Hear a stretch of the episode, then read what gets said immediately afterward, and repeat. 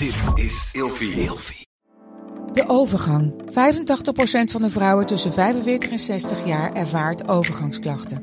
Klachten die kunnen leiden tot een verkeerde diagnose of langdurige arbeidsongeschiktheid. Wat kun je doen als je overgangsklachten ervaart? Hoe maak je dit bespreekbaar op je werk? En als jouw medewerker bij jou komt, wat kun je als werkgever dan doen? Sector Instituut Transport en Logistiek heeft een kennisplatform ontwikkeld waar jij terecht kunt voor tips en adviezen. Wil je hier meer over weten? Kijk dan eens op stl.nl/slash overgang. Slapen jij en je partner al jaren in hetzelfde bed en wordt het tijd dat je de onderdelen van het bed moet vervangen?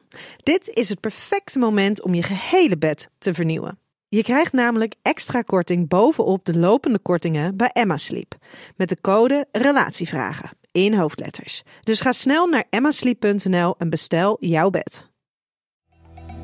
Hi, ik ben Elio Heres, orthopedagoog, seksoloog, consulent in opleiding en gespecialiseerd in genderdiversiteit. En vandaag beantwoord ik de volgende vraag. Is het normaal dat je boodschappenlijstjes maakt tijdens de seks? Ik vind normaal altijd een, uh, ik haat normaal, maar wel een goede vraag. Um, dat is normaal. Denk je, dan heb je het meer over dat je afleidende gedachten kan hebben. Of remmende gedachten tijdens de seks. Dat kan zijn aan dat je de kinderen moet ophalen van school. Dat je boodschappenlijstjes aan het maken bent.